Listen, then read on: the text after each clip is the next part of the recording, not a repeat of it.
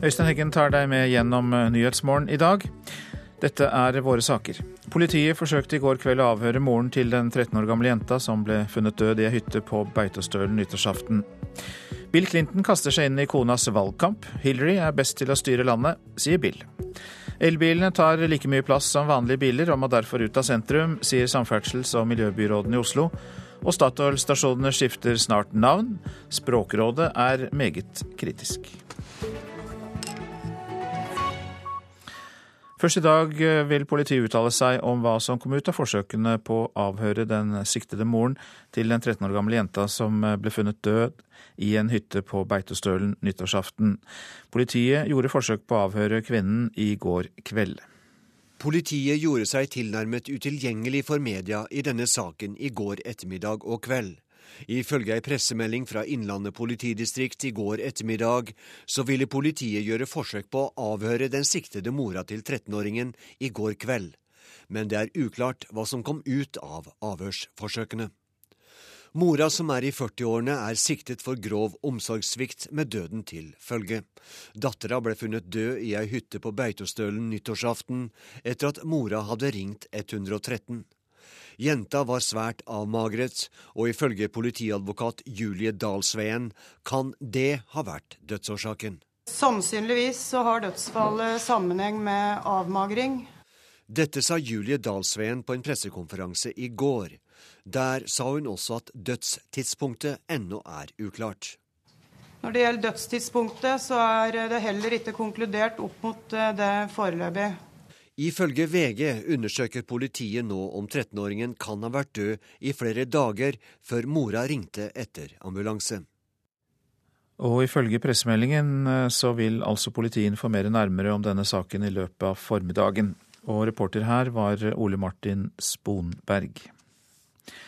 Malvik kommune trekker anken i saken der ungdomsskolen og kommunen ble dømt til å betale erstatning til en 25 år gammel kvinne for eh, langvarig mobbing og et seksuelt overgrep da hun var elev. Formannskapet bestemte seg for å anke saken, men i går så snudde politikerne. Kommunen trekker anken fordi de mener den store belastningen på enkeltmennesket veier tyngre enn eventuelle juridiske argumenter. Og kvinnen selv, Line, sier til NRK at hun ikke trodde dette ville skje, og takker for den støtten hun har fått. Det er, det, det, det er helt uvirkelig. Jeg, jeg, har ikke rukket så mye annet enn å ta telefonen, og jeg ser at jeg har jeg ser at det er sånn 60 uleste meldinger på Facebook, men jeg har ikke fått tid til å åpne noen av de. Eh, hvordan fikk du vite det her, da? Eh, det var faktisk det var ordfører eh, Ingrid Aune som ringte meg og fortalte meg dette personlig.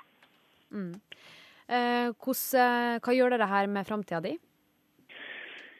Det gjenstår å se om det her nå har vært verdt det. Det gjenstår å se. Jeg må se Jeg vet ikke hvor mye det her har kosta før, jeg ser skadeomfanget av hva som skjer fremover. Men jeg håper jo at, eh, jeg håper jo at det har eh, vært verdt det, og at det ikke kommer til å få for store konsekvenser.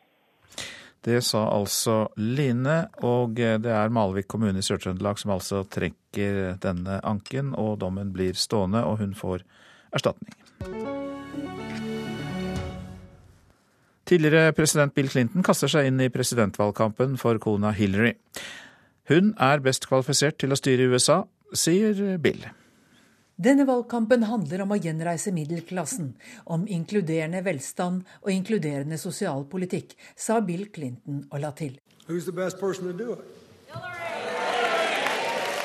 Ingen er i tvil om at Bill Clinton er en bedre folketaler enn Hillary, som i går drev kampanje i Iowa, mens Bill talte hennes sak i New Hampshire. Lifetime anybody has run for this job at a moment of great importance who was better qualified by knowledge, experience I min levetid har jeg ikke opplevd noen som var bedre kvalifisert når det gjelder kunnskap, erfaring og temperament som kandidat for denne jobben, sa Bill Clinton, som selv har åtte år som USAs øverstkommanderende bak seg. Han lot være å nevne Donald Trumps ferske kommentar om at Hillary lever sammen med en av historiens verste kvinnemishandlere, en henvisning til Monica Lewinsky-skandalen, og refererte bare generelt til debattnivået med følgende bemerkning.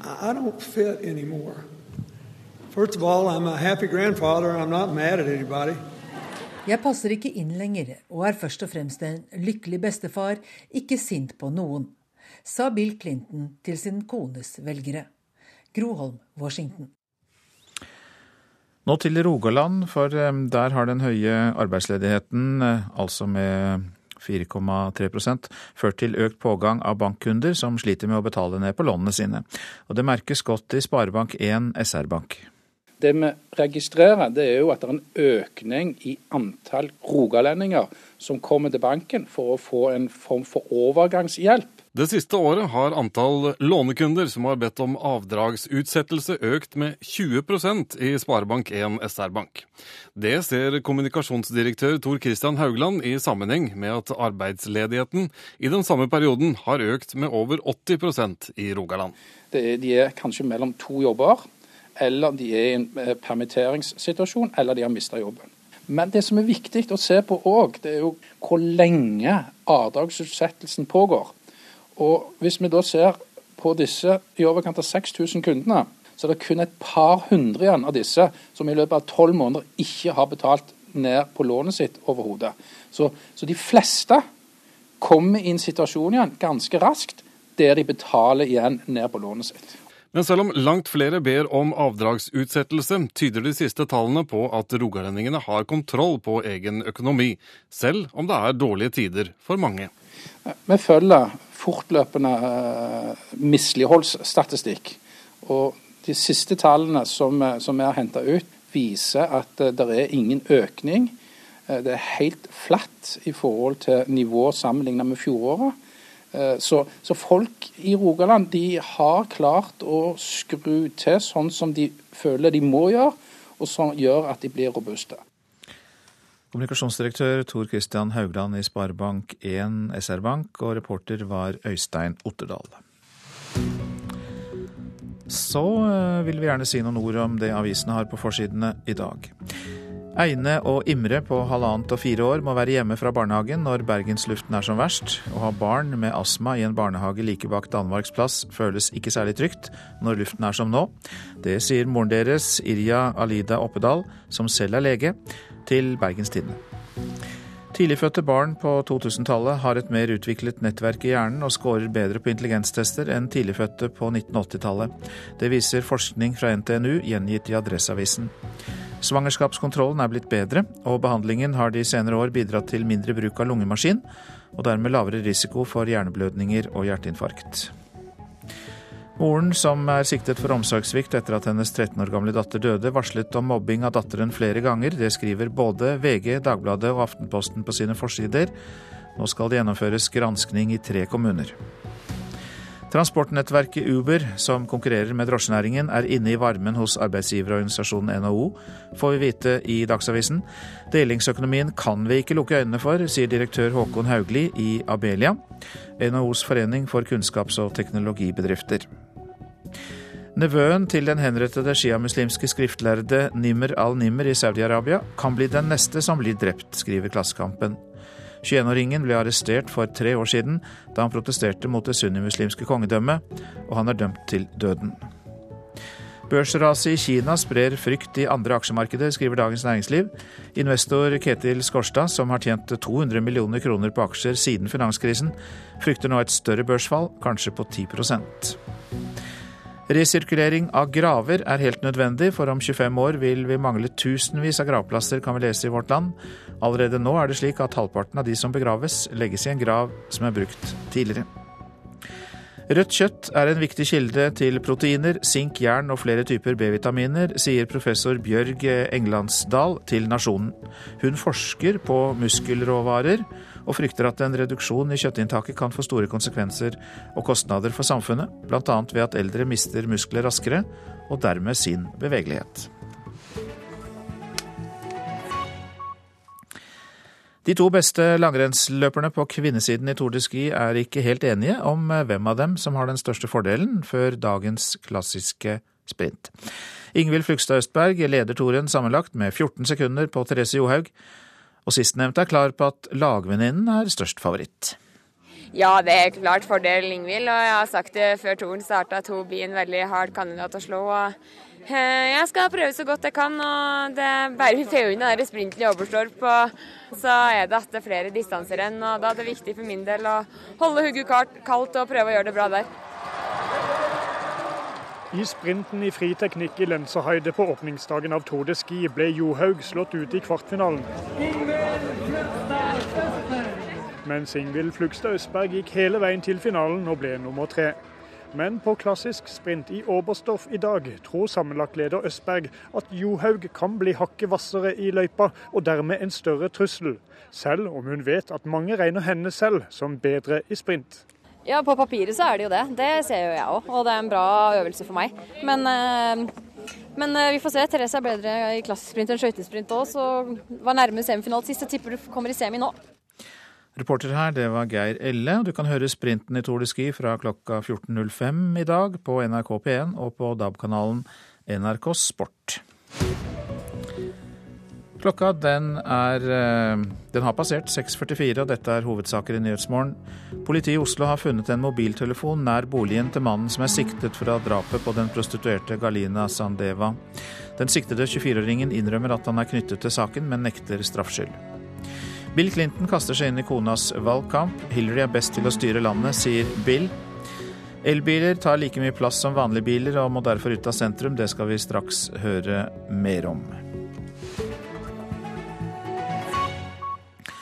Og det er miljø- og samferdselsbyråden i Oslo, Lan Marie Nyen Berg, som eh, sier det. Hun fjerner dermed tvilen om elbilene når Oslo innfører bilfritt sentrum. Noe av det viktigste med å gjøre sentrum fritt for privatbiler, er jo å gi byen tilbake til menneskene. Bilen tar veldig mye plass i sentrum, og vi vil at det skal være mer plass for de som går, de som sykler og de som vil ha det fint i byen. Og da må vi ta litt mer plass fra bilene, og elbiler tar jo like mye plass som en vanlig bil. Etter at det rød-grønne byrådet lanserte bilfritt sentrum med brask og bram i byrådserklæringen, har de ikke villet svare tydelig på om også elbilene blir kastet ut. I et notat til bystyret gjør Lan Marie Noen Berg det nå klart at det skal de.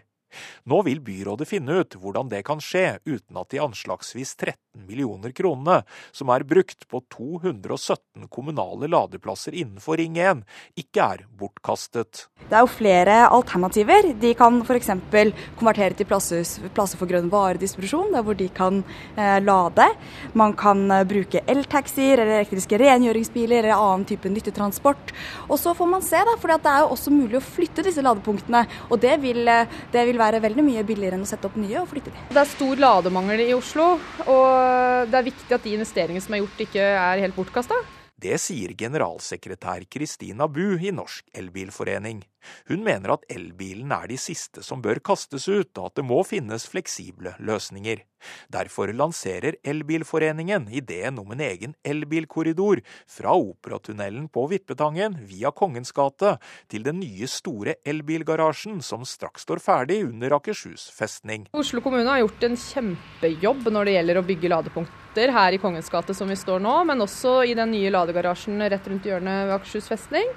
Eh, dette er utenfor sentrum, men innenfor Ring 1. Så vi tenker at her burde man kunne gjøre, lage en elbilkorridor. Som eh, gjør at elbilene fortsatt kan kjøre opp hit og parkere og bruke dette området som en innfartsparkering. Miljøbyråden takker for innspillet og lover å ta det med seg i det videre arbeidet med å gjøre sentrum bilfritt i løpet av 2019. Det er veldig fint med gode forslag også fra Elbilforeningen. og Dette her er jo ting som vi kommer til å samle inn, da, de gode forslagene, når vi, eh, når vi snakker med ulike aktører. Så det kan absolutt være en spennende idé, det. Lan Marie Nyen Berg fra Miljøpartiet De Grønne til reporter Olav Juven. I år skifter bensinstasjonkjeden Statoil navn til Circle K, eller Sirkel K hvis vi skal forsøke å uttale det på tilnærmet norsk. Uansett, det er ikke et uttrykk for godt navnevett, mener Språkrådet. Det canadiske selskapet som nå eier Statoils 330 bensinstasjoner, starter omskiltingen til våren. Hva kalte du det andre navnet? Circle, Circle K. Hvorfor heter det det? Noe, det er ikke noe norsk selskap. Jeg liker Statoil bedre fordi jeg er kjent med det og har, pleier å fylle bensin her. Sier Didrik, som fyller opp tanken på Statoil-stasjonen på Storo i Oslo. En av 330 stasjoner som skal gis ny drakt og døpes om til Circle K i løpet av året. Ja, Det er en viss risiko ved å bytte ut veldig veldig sterke merkevarer. Du finner ikke så mye sterkere merkevarenavn i Skandinavia enn Statoil, og særlig ikke i vår bransje. Det sier Pål Heldås, som er kommunikasjonsdirektør i Statoil Fuel and Retail. Statoils bensinstasjoner har vært på utenlandske hender siden 2012, da kjeden ble kjøpt opp av det canadiske selskapet Couche-Tard. Etter å ha lånt Statoils blå og oransje logo i tre år, vil canadierne nå fargelegge stasjonene i Circle Case rødt, hvitt og gult over hele Nord-Europa. Målet er selvfølgelig at folk skal like bedre det nye merkenavnet enn det gamle, når vi får vist hva vi står for.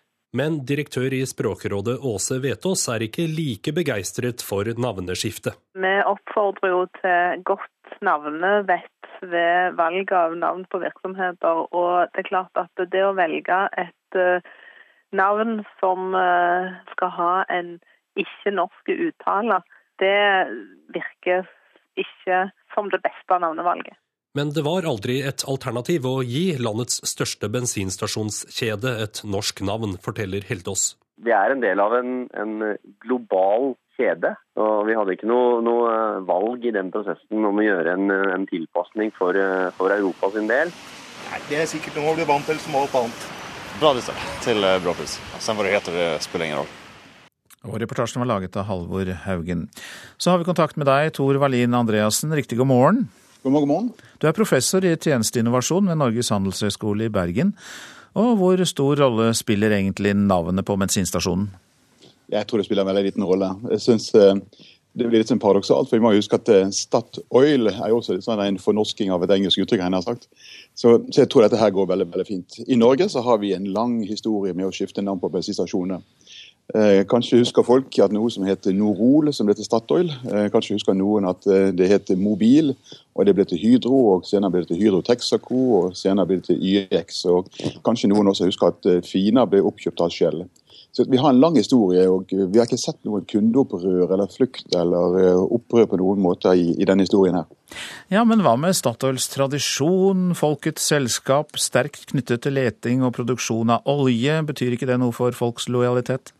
betyr ingenting. Jeg tror folk er opptatt av bekvemmelighet. altså si Om ligger stasjonen i nærheten av hvor jeg arbeider, hvor jeg bor, hvor jeg henter ungen i barnehagen eller på trening. Dette er et, dette er et lavinteresseprodukt. Dette er en, en, rett og vanebasert lojalitet. Noen kunder har også såkalte kort, altså si kundekort, i form av at de har en arbeidsgiver som har inngått avtale med bensinstasjoner. Så her er det ikke en underliggende tilfredshet i dag som har bestemt hvor jeg velger å kjøpe bensin eller for så vidt også melk. Hva syns du om navnet, da? Circle K? Ja, jeg har litt sympati for det. altså At det er litt, sånn, litt munnfull her. Og jeg tror nesten på folkemunne om et par år, så kanskje heter det bare K. altså På godt norsk stikker ned på K-en og kjøper litt bensin. Så jeg tror vi vil se en, en tilpasning av hva som vil fungere i, i norsk hverdagstale. Ja, hvorfor ikke? Vi hadde jo OK i sin tid. Ikke sant. Ja. Men du, det virker på deg som dette med navnet på merkevaren har liten betydning. Jeg får ikke det helt til å stemme. Vi har jo mange merkevarer som, som vi er veldig glad i. Altså, nå går det jo ikke minst på dagligvarer og slike ting. Ja, jeg støtter det. altså. Men det vi må ta med oss her at bensin er en såkalt generisk vare. altså Bilen min stopper ikke om jeg velger å gå til Shell eller Esso eller Circle K for å kjøpe bensin eller diesel. Så, så Det er helt generisk. Vann er vann, og luft er luft, og bensin er bensin. Så disse Emosjonene som vi, vi assosierer med merkenavn, er vanligvis knyttet til helt andre produktkategorier som krever en annen involvering fra kundens side. Ofte er det underliggende verdier som de assosierer, og som de da vil gjerne vise til andre mennesker ved å assosiere lime seg på et merkenavn. Det er jo det gigantiske canadiske selskapet Alimentation Couche-Tard som eier Circle K. En liten morsomhet der er jo at Couche-Tard betyr nattugle. De kunne kanskje ha kalt det det, men, men altså uansett hvilken betydning kan det få for denne kampen om bensinkundene at dette svære selskapet De er jo allerede inne, men at de kommer enda tydeligere inn med sitt eget navn?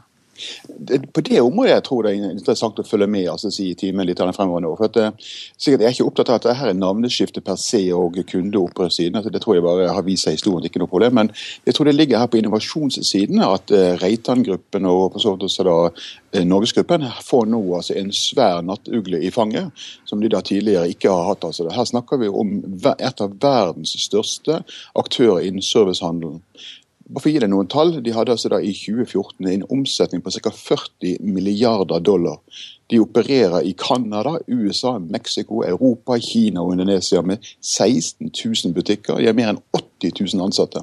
Dette er en formidabel veivals som nå kommer inn i, i servicehandelen i Norge. Slik at For aktørene Reitan-gruppen og, og Norgesgruppen så tror jeg at de nå betyr at de må våkne litt tidligere om morgenen, løpe litt fortere og legge seg litt senere. Nå får de reell konkurranse. For kundene så tror jeg dette er på en måte julaften en gang til. Nå får vi en reell aktør som vil innføre nye prinsipper, nye måter å tilby tjenester på, som vi ikke har opplevd tidligere. Dette skal vi glede oss til. Takk skal du ha, Tor Wallin Andreassen, professor i tjenesteinnovasjon ved Norges handelshøyskole i eh, Bergen. Og vi går eh, over til en eh, spennende TV-serie som vises for første gang i kveld på NRK1. Med incestuøse søskenforhold og The Queen's English som talespråk, så har BBC satset stort på en fjernsynsversjon av russiske Leo Tolstojs Krig og fred. Og den 1440 sider lange boken regnes som en av verdenslitteraturens viktigste bøker, selvfølgelig, men er altså nå blitt seks episoders TV-drama.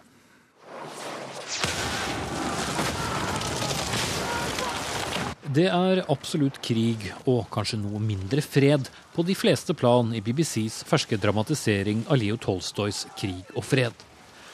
Boken som ble gitt ut for snart 150 år siden, er dramatisert flere ganger. Både på fjernsyn, på kino og på scenen. Nå er det Andrew Davis, kjent som manusforfatter og produsent for bl.a. House of Cards, De tre musketerer og Bridget Jones' dagbok, som har gjort om den nesten 1500 sider lange mursteinen til seks episoder med fjernsynsdrama.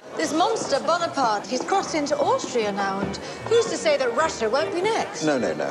Serien, som har premiere på NRK1 i kveld, har i likhet med boken et svært rikt persongalleri. Det er mange familier involvert for ikke å snakke om en mengde agendaer.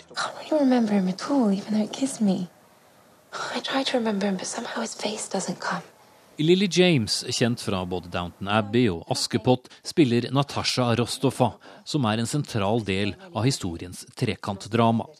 Da NRK traff henne i London nylig, fortalte hun at hun verken hadde lest boken eller sett noen av de gamle dramatiseringene. I'd never seen any adaptation, as I just knew it as War and Peace, this sort of book that I probably would never read. um, det er eh, kanskje en bok jeg aldri ville ha lest, sier hun, men er glad for at hun fikk jobben, for hun elsker historien. Oh, it's you. What a lazy sister I am. oh, that feels nice. En mulig kontroversiell del i BBCs dramatisering er en langt sterkere hentydning enn i boken om at historiens fem fatal, Helene Koragin, har et seksuelt forhold til sin bror Anatol. Det er Tappens Middleton som spiller Helene, men sier de ikke drar det for langt. It's, it's not, I mean,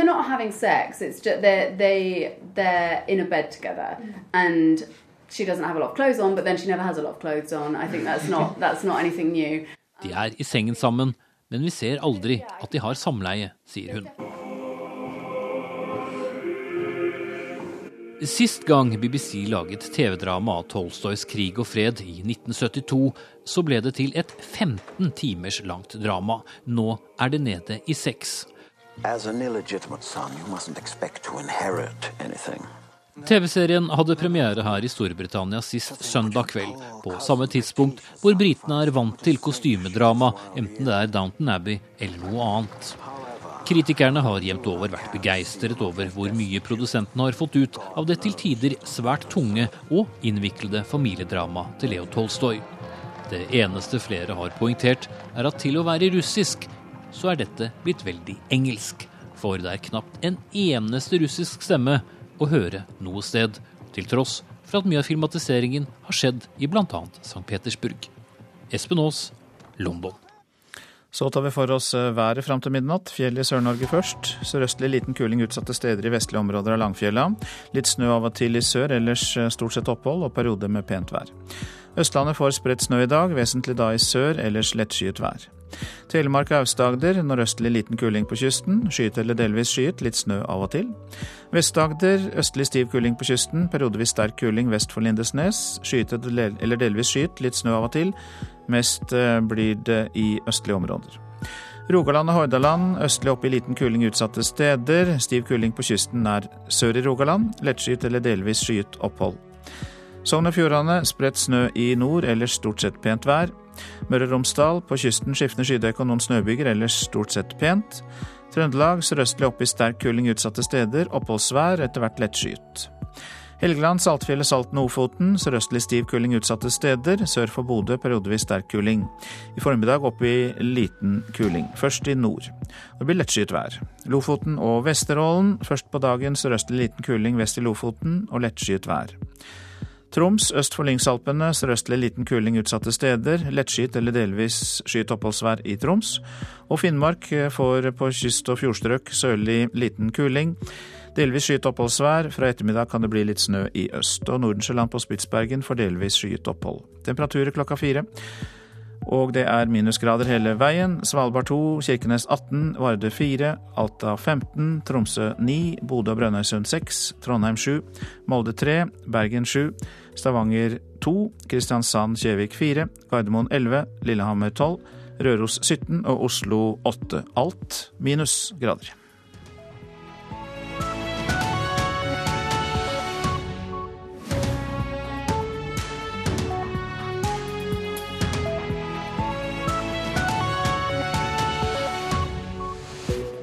Nyhetsmorgen fortsetter med disse sakene. Politiet i Oslo har funnet en mobiltelefon nær boligen til mannen som er siktet for drapet på den prostituerte Galina Sandeva. Norge bør redusere antall kampfly, mener flyanalytiker, etter at det kan se ut til at flyene blir mye dyrere pga. dagens dollarkurs. Boligprisene kommer til å stige også i år, tror Eiendoms-Norge, eiendomsmeglernes organisasjon. Også elbilene skal ut til Oslo sentrum, mener Samferdsels- og miljøbyråden. Politiet i Oslo har altså funnet en mobiltelefon i nærheten av boligen til mannen som er siktet for drapet på den prostituerte Galina Sandeva. 24-åringen som nå er siktet for forsettlig drap, innrømmer at han er knyttet til saken og hendelsen, men han nekter straffskyld, sier hans forsvarer Roar Berg Henjum. Nei, han erkjenner ikke straffskyld, men jeg kan ikke gå inn på detaljene i forklaringen hans eller begrunnelsen for det nå. 24-åringen ble pågrepet i helgen. Han har sittet i lange avhør, senest i går kveld, da han innrømmet sin tilknytning til saken. Samtidig fant politiet i natt en mobiltelefon under en rist bare 100 meter fra leiligheten hans, skriver VG. På en pressekonferanse tidligere i går sa politiet at mobiltelefonen til den drepte, 28 år gamle Galina Sandeva, ennå ikke var funnet. Den ble sist registrert ved en basestasjon i nærheten av den siktedes hjem 16.12., dagen før Sandeba ble funnet drept. Politiinspektør Grete Lien Metlid ønsker ikke å si hvordan de kom på sporet av 24-åringen som nå er siktet. Nei, det ønsker ikke politiet nå. Eh, det er, eh, som jeg har sagt tidligere, det er den etterforskningen som har pågått her, som leder til det, den, denne pågripelsen. Nå har han forklart seg. Han har knytta seg til saken og, og, hendelsen, men noe mer om hva han har sagt, noe mer om eh, hva som eh, er bakenforleggende og relasjoner, det må vi komme tilbake til. Og Reportere her, det var Hans Jørgen Solli og Martin Roaldsø. Jan Helge Andersen, som er dømt for å ha drept to jenter i Baneheia i mai i år 2000, er nå løslatt på prøve. Andersen ble dømt til fengsel i 19 år. Ada Sofie Austegard, som er moren til åtteåringen Andersen drepte, syns det er vanskelig at han nå er ute av fengselet. Jeg har jo vært forberedt på at den dagen skulle komme, men det er jo klart det, er jo, det føles jo tungt. For ett år siden gikk Andersen over til hjemmesoning i Vestfold. 22.12 ble han prøveløslatt. Det er siste skritt på veien til et liv som fri mann. Og jeg fikk jo den beskjeden rett før jul, og det er jo ikke noe trivelig beskjed å få før du skal gå inn i en julehøytid sammen med familien. Stine Sofies stiftelse kjemper for at dømte skal nektes å bosette seg nær de etterlatte. Nei, Det aller viktigste det er at eh, de som har begått en ugjerning mot deg eller noen av dine, ikke skal kunne bosette seg i nærheten av der du bor. Austegard jobber for å få etablert en offeromsorg. Dette håndteres i dag av kriminalomsorgen, som først og fremst jobber med de dømte. Jeg erkjenner at eh, vi ikke har vært eh, gode nok til å se offerets situasjon. Og eh, reporter her, det var Thomas eh, Sommerseth. Norges nye kampfly kan bli mye dyrere enn først antatt pga. den høye dollarkursen. Det sier Ole Håkon Eek Nilsen, valutaanalytiker i Nordea. I 2012 så regnet Forsvarsdepartementet ut prisen for opptil 52 kampfly, men dollaren de regnet kursen ut ifra var tre kroner billigere enn den er i dag. Og De burde tatt høyde for høyere dollarkurs, sier Eek Nilsen. Det enkle svaret er å kjøpe dollarene når man eh, har bestemt seg for å gjøre innkjøpene. Men det gjorde altså ikke Forsvarsdepartementet da det ble bestemt at Norge over en tiårsperiode skal kjøpe opptil 52 kampfly av typen F-35 til en pris på nesten 68 milliarder kroner. Prisen var trukket ut i 2012 med utgangspunkt i at dollarkursen i gjennomsnitt vil være på omtrent 6,5 kroner. Når dollaren da stiger mye sånn som, den, sånn som den har gjort nå, så blir det jo voldsomt mye dyrere enn det man hadde forestilt seg. Nå har dollaren blitt nesten tre kroner dyrere, sier Ek Nilsen i Nordea. Men programdirektør i kampflyprogrammet Morten Klevern sier derimot at det er vanskelig å sikre seg mot svingninger i dollarkursen. Det kan ikke vi. altså Kampflyprogrammet kan ikke, kan ikke gardere seg mot det. Dette, disse faktorene som vi bruker inn i våre beregninger, gis av Finansdepartementet fortløpende. Det er vanskelig å regne ut hvor mange milliarder dyrere det kan bli om dollaren stabiliserer seg på dagens nivå, ifølge Kleveren.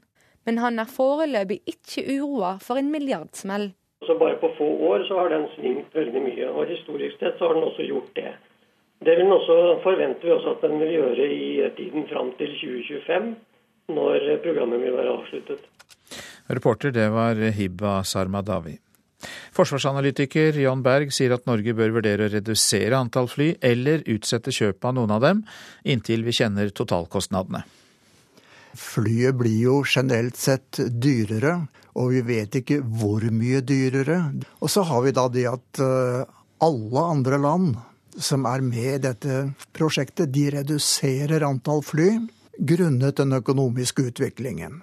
Vi fastholder 52 fly, og eh, da må vi betale for det. Tror du at vi til syvende og sist kommer til å redusere antallet, vi også? Ja, jeg er redd for at vi kommer til å binde oss til 52 fly før vi ser virkeligheten i øynene. Eh, for å ta et nærliggende samarbeidsland, Nederland, så har jo de redusert fra 85 fly til 37, altså under halvparten. Danmark de kjører jo ny kampflykonkurranse. En meget komplisert prosess fordi de jo er med i F-35-programmet. De har nylig utsatt avgjørelsen i ca. et halvt år. Eh, og de har også redusert da til ca. halvparten. Burde det vært eh, tryggere da å spole tilbake, som det høres ut som danskene da gjør, og valgt det svenske Saab Jas Gripen?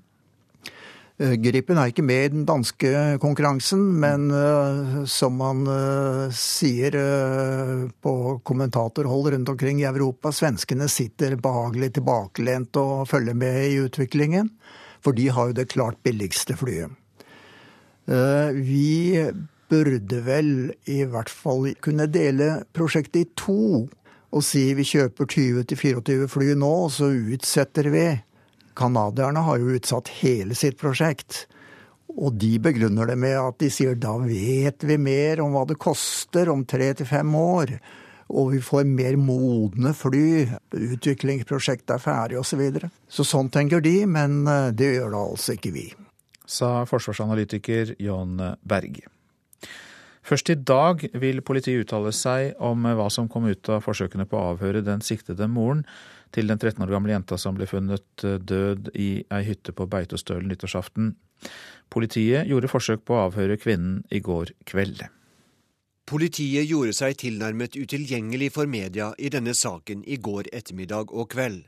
Ifølge ei pressemelding fra Innlandet politidistrikt i går ettermiddag, så ville politiet gjøre forsøk på å avhøre den siktede mora til 13-åringen i går kveld. Men det er uklart hva som kom ut av avhørsforsøkene. Mora, som er i 40-årene, er siktet for grov omsorgssvikt med døden til følge. Dattera ble funnet død i ei hytte på Beitostølen nyttårsaften etter at mora hadde ringt 113. Jenta var svært avmagret, og ifølge politiadvokat Julie Dalsveen kan det ha vært dødsårsaken. Sannsynligvis så har dødsfallet sammenheng med avmagring. Dette sa Julie Dalsveen på en pressekonferanse i går. Der sa hun også at dødstidspunktet ennå er uklart. Når det gjelder dødstidspunktet, så er det heller ikke konkludert opp mot eh, det foreløpig. Ifølge VG undersøker politiet nå om 13-åringen kan ha vært død i flere dager før mora ringte etter ambulanse. Og det er altså i løpet av formiddagen politiet kan komme med mer informasjon, og reporter her var Ole Martin Sponberg. Boligprisene kommer til å stige også i år, det tror leder i Eiendom Norge, Christian Wammervold Dreyer. Han anslår at boligene i Norge i snitt skal bli mellom 3 og 5% dyrere, men det er store forskjeller i markedene rundt om i landet. Vi har et uh, veldig forskjellig boligmarked. Jeg tror 2015 er det mest forskjellige boligmarkedet vi har hatt i Norge så lenge jeg har kommentert dette her. Uh, vi har ytterpunktene, Oslo, som har uh, vært et kontinuerlig press i markedet gjennom hele 2015 med en vekst på rundt 10% siste året. Det er en sterk vekst, og vi går inn i året med veldig få boliger for salg og kommer til å forvente Vi forventer nå en videre vekst i hovedstadsområdet. Så har vi det andre ytterpunktet, som er Stavanger-regionen. Stavanger, Sandnes, egentlig hele Roland. Eh, hvor vi har hatt eh, prisfall i 2015, og vi går inn i året med nesten like mange boliger for salg i Stavanger som vi gjør i Oslo. og det, Vi forventer nok at prisen vil fortsette ned i den regionen. Tror du da at eh, denne forskjellen vil forsterke seg? At det fortsatt vil bli kamp, og kanskje mer kamp i Oslo, og fortsatt vanskelig å selge i Rogaland? Ja, Vi ser ikke noen indikasjoner på at dette vil endre seg i det korte bildet. Vi, vi, har, eh, vi har en press inn i hovedstaden i forhold til befolkningsvekst, og boligbyggingen er eh, svært moderat. Vi trenger flere sånne regioner hvor det utvikles mye bolig for å møte den etterspørselen som er i markedet. Eh, og Det motsatte har vi jo i Rogaland, og der vil jo dette bli forsterket via at eh, enda flere velger å selge før de kjøper, for de er usikre på hva de kan få. Eh, banken krever gjerne det før de kjøper noe nytt, at de har solgt sin, sin gamle bolig. Og Da får du en veldig stor tilbudsside, og det vil forsterke også den negative utviklingen i markedet. Du og eiendomsmeglere spådde jo om det året vi har bak oss, 2015. Hvordan slo dine spådommer til? Vi var eh, for moderate i vår inngang. Eh, vi, eh, vi, trodde på en vekst på rundt 4-6% i gjennomsnittsvekst for året, og vi ender på rundt i overkant av 7 Ikke så halvgærent prognosesetting, det, men, men, men, litt moderate var vi i forhold til utviklingen. og det tror jeg, de, jeg tror egentlig de aller fleste forventet et mer moderat 2015 enn det vi fikk. For man så jo utviklingen i arbeidsledigheten, man så nedkjølingen i norsk økonomi. Men boligmarkedet holder seg svært godt og viser med det lave rentenivået den sterke kjøpekraften som er der ute. Leder i Eiendom Norge, Christian Wammervoll Dreyer. Dette er Nyhetsmorgen, dette er hovedsaker. Politiet i Oslo har funnet en mobiltelefon like i nærheten av boligen til mannen som er siktet for drapet på den prostituerte Galina Sanda, Sandeva. Og det kan også være hennes mobiltelefon. Høy dollarkurs kan gi en prisbombe på det norske kampflyprogrammet, har vi hørt. Og boligprisene kommer altså til å stige også i år, tror Eiendom Norge. Nå til delstaten Oregon i USA. Der har en væpnet gruppe som kaller seg Borgere for konstitusjonell frihet, okkupert en offentlig bygning og krever at føderale myndigheter lar dem være i fred. En straffesak er utgangspunktet for konflikten, men aksjonistene mener de fører en kamp for Grunnloven, og at de hevder myndighetene begår lovbrudd. It's really not about him. It's about the Constitution and the violations of the Constitution.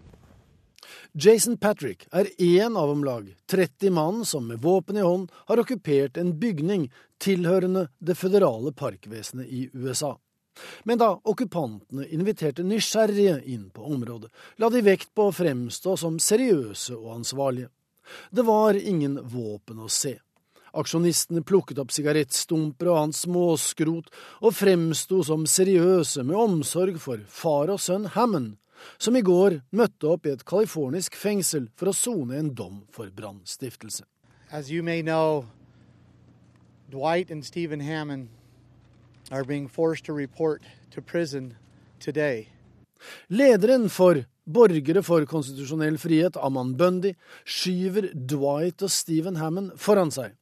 De to dømte selv har frabedt seg den væpnede gruppens støtte, og sheriffen i byen Burns i Oregon, der okkupasjonsdramaet utspiller seg, har bedt okkupantene om å avslutte protesten. Men den væpnede borgermilitsen hevder å være ferdig snakket. De har tatt første skritt, og nå er det opp til myndighetene å løse konflikten, sier Ammon Bundy. I wouldn't say words would do it. I would say action would. And that would be for the federal government to remove its unconstitutional uh, presence here in the county. Myndighetene er fra annet hold blitt kritisert for å holde en svært lav profil i denne saken. Såkalt ingenting har skjedd. De bekymrede beskylder ordensmakten for forskjellsbehandling, og hevder at dersom en gruppe muslimer f.eks. hadde tatt seg til rette på offentlig sted med våpen i hånd, så ville reaksjonen vært en ganske annen. Politiet på sin side tar det hele med ro. Dette foregår i et fjerntliggende og folketomt område i Oregon. Ingen har kommet til skade, og det er ikke tatt gisler. Det okkuperte parkområdet er uansett vinterstengt, og det er snø og kaldt. Det dreier seg riktignok om en ulovlig handling, men den har til nå ikke hatt noen sivile eller samfunnsmessige konsekvenser for de som bor i nærheten. USA er ikke ukjent med høyreorienterte militser som elsker grunnloven, men hater Washington DC. Og striden om bruks- og beiterettigheter til land er omtrent like gammel i deler av USA som de angjeldende statene selv. Dette er en uløst arvestrid fra nybyggertiden, og har som sådan et visst historisk sus over seg. Sa Joar Hoel Larsen. I Hongkong har det vært protester etter at fem ansatte i en kontroversiell bokhandel rett og slett har forsvunnet. De ansatte skal ha hatt planer om å utgi en bok om Kinas president eh, Xi Jinping og hans kjærlighetsliv. Det forteller Asia-korrespondent Peter Svaar. Ja, Den første av disse fem, som også eier forlaget som planla å gi ut denne boken, trolig, forsvant allerede i oktober fra sin ferieleilighet i Thailand. Overvåkingsbilder viser at han forlot leilighetskomplekset sammen med en annen kinesisk utseende mann. Og Gui Minhai, som han heter, er svensk statsborger. Svensk UD har vært koblet inn i hans forsvinning. Og så har det gått slag i slag. I forrige uke forsvant den femte ansatte knyttet til denne bokhandelen i Causeway Bay i Hongkong. Eh, den femte som forsvant, ringte sin kone fra et telefonnummer som hun uh, sier uh, er i den kinesiske byen Shenzhen. Han fortalte at han bistår kinesiske myndigheter i en etterforskning. og Mye tyder altså på at disse er hentet i flere land og i Hongkongs gater av kinesiske agenter. og Mange knytter dette til planene deres altså om å utgi en bok om Kinas president Xi Jinping og hans privatliv. En bok som også kan inneholde påstander om at Kinas president har hatt sidesprang. Og selv Hongkongs ellers så Beijing-vennlig regjeringssjef sier han er bekymret, og folk har jo som nevnt demonstrert i gatene. Dette skaper åpenbart et engasjement? Ja, og det er jo fordi pressefrihet og ytringsfrihet faktisk er garantert i Hongkongs eh, grunnlov, den såkalte Basic Law, nedtegnet av britene før de forlot byen i 1997. Og denne bokhandelen er langt fra unik. Det er masse bokhandler i Hongkong som tjener penger på å selge det vi kan kalle sladrebøker eller kiosklitteratur med påstander om politikere fra fastlandet. Bøker som selvsagt er forbudt i Fastlandskina, som har vært tillatt i Hongkong. Og dette har selv eh, regjeringssjef sjef eh, CY Liang, ellers svært Beijing-vennlig, nå protestert mot. Han har sagt det er uakseptabelt om noen er bortført til fastlandet fra Hongkongs gater. Betyr det at denne ordningen som Hongkong har hatt siden Kina overtok byen etter kolonimakten Storbritannia, står for fall? Altså det som uh, kalles ett land, to systemer? Ja, Mange frykter at disse bortføringene er eh, et signal om det. og Det er jo også grunnen til disse demonstrasjonene de siste dagene. For kjernen i ett land, to systemer-ordningen er jo nettopp at Hongkong har sin helt egen lovgivning og sitt eget politi.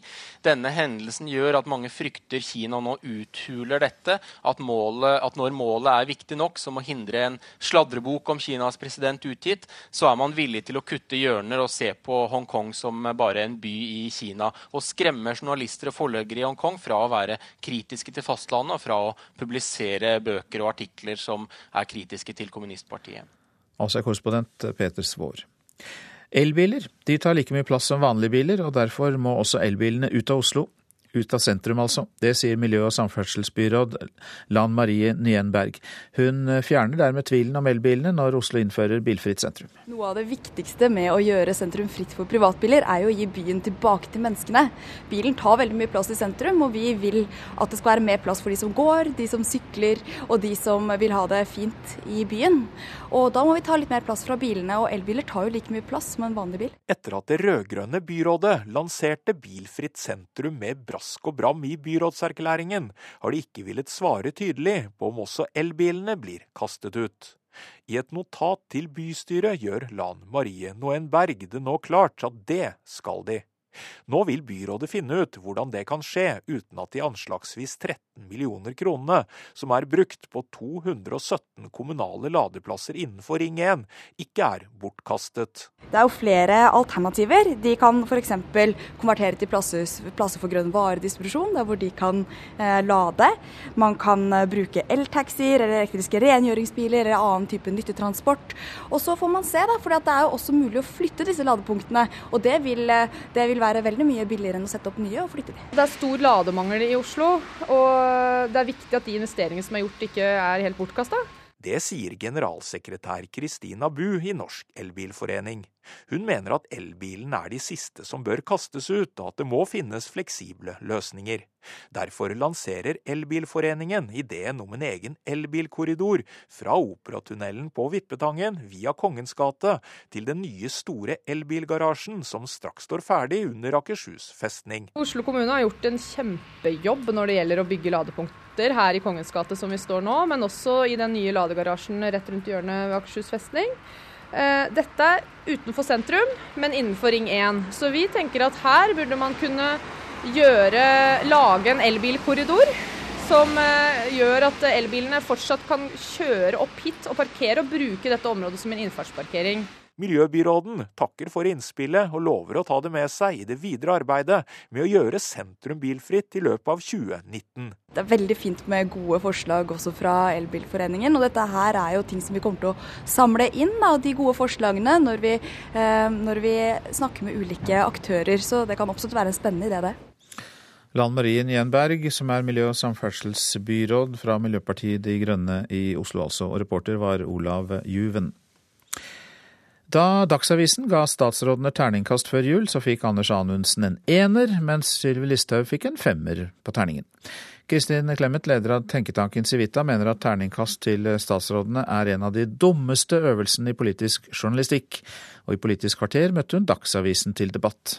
Ja, altså jeg syns det er veldig mye god politisk journalistikk i Norge, men akkurat disse her karakterbøkene som avisene gir til, til statsrådene, de syns jeg ofte holder en veldig dårlig kvalitet. Og Bakgrunnen for det er at de ofte er veldig overfladiske. At de bare bedømmer statsrådene sånn på utsiden, som om politikk er et teater som oppføres av hensyn til journalistene. Og at pressen eh, tradisjonelt har hatt liten innsikt i og interesse for det som har skjedd i forvaltningen og innad i regjeringsapparatet, eh, og ofte også det som statsråden gjør på den internasjonale arenaen, eller vis-à-vis organisasjons- og næringsliv.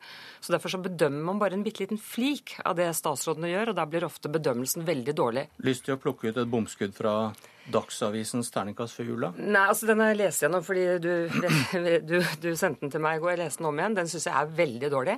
Skulle jeg satt karakter på den karakterboken og brukt terningkast som det litt, passe, deg. Ja, det er vel litt terningkast én. Terningkast 1. Jeg syns den er utvendig, den er overfladisk. Selvfølgelig styrt av Dagsavisens meninger, det er ikke så, så viktig. Men den etterlater ikke noe inntrykk overhodet at det er brukt en eneste kilde i forvaltningen. Irene Halvorsen, samfunnsredaktør i Dagsavisen, forsvar deg. Ja, nei, Det er ikke så vanskelig. Dette er jo en mening som Kristin Clemet har hatt i mange år. Og det er jo en gjennomgangstone også for veldig mange som blir anmeldt at de opplever anmeldelsene som grunne eller uh, ureflekterte. Så at politikere mener det, er uh, ikke overraskende. Når det gjelder denne karakterboka spesielt, så har vi hatt kilder både i regjeringspartiene, både i regjeringsapparatet og på Stortinget. Vi har snakket med samarbeidspartiene, vi har snakket med opposisjonen, vi har snakket med organisasjonslivet knyttet til hvert enkelt departement, og vi har snakket med kilder i embetsverket. Det er sånn vi jobber med vår politiske journalistikk. Så det er jo ingenting i den karakterboken til Dagsavisen som tyder på at de har noe begrep om hvordan statsrådene fungerer internt. Veldig mange av de statsrådene som vi ofte gir dårlig vurdering, de er jo enten flytta på, forsvunnet ut eller fått nye arbeidsoppgaver. Det betyr jo at det er flere enn oss som syns det samme. Men konklusjonen er at du tar ingen selvkritikk? Nei, jeg du tar tar ikke du tar kritikk ikke selvkritikk. Du har et forslag til hvordan dette kunne gjøres nei, bedre? Altså, altså, vet du hva, De kan gjøre akkurat hva de vil. De kan kaste terninger hele året. Det er jo litt komisk også at man kaster terninger, for der er jo, tilfeldig, altså, der er jo på en måte svaret helt tilfeldig. Kristin Clemet var det, leder av Civita, i debatt med Irene Halvorsen, samfunnsredaktør i Dagsavisen. Et utdrag fra Politisk kvarter som var ved Bjørn Myklebust. Så sier vi morgen til deg, Rafael Escobar Løvdahl. God morgen. Du er statsmeteorolog, og du kan fortelle meg om denne kulden over landet, som sikkert føles kaldere når det blåser. Ja, det stemmer det. Når du får eh, litt vind i tillegg til minusgradene, så blir det da betydelig kaldere. I Nordland så er det f.eks. i solvær minus fem grader, men der blåser det en stiv kuling fra øst, så da vil nok følt temperatur være nærmere minus 15, og det var nå klokken åtte. Mens eh, Banak i Finnmark var det minus 17 klokken åtte, og med sånn fire-fem sekundmeter vind der, så vil det nok føles ned minus 25-26 rundt der et sted. Så vinden gjør at det blir betydelig kaldere. De som får mest vind nå i dag, det er eh, Nordland og Trøndelag. Her er en østlig opp mot stiv kuling nå første del av dagen, men det blir gradvis mindre. Men eh, bortsett fra vinden, så blir det da opphold og lettskyet til dels klarvær. Spitsbergen og Troms og Finnmark får også oppholdsvær, men i Finnmark kommer nok inn litt snø fra øst i løpet av ettermiddagen. Og landet for øvrig, der er det også kaldt? Ja, det er egentlig kaldt overalt, altså. Eh, minst kaldt kan vi kanskje si at det er langs eh, sørlandskysten, kanskje. Men det blåser jo en nordøst liten kuling der, så det føles også ganske kaldt der. Og på Sørlandet vil det også komme litt snø. Telemark og Østlandet stort sett eh, oppholdsvær. Kan nok være noen få snødryss. Men jo lenger nordover du kommer på Østlandet, kan du faktisk sprekke litt opp og få se litt blå himmel. Mens Vestlandet sør for Stad, her vil en blåse fra østlig kant med bris. Mens Rogalandskysten blir nok en stiv kuling. Mens eh, Møre og Romsdal, her kan det ventes litt snø, men stort sett rolig vindforhold. Takk skal du ha, Rafael Escobar Løvdahl. Da gjenstår å si for meg at vaktsjef og ansvarlig for radionyhetene denne morgenen var Bjørn Christian Jacobsen. Teknisk ansvarlig Espen Hansen. Produsent for Nyhetsmorgen Marit Selmer Nedrelid. Og her i studio Øystein Heggen.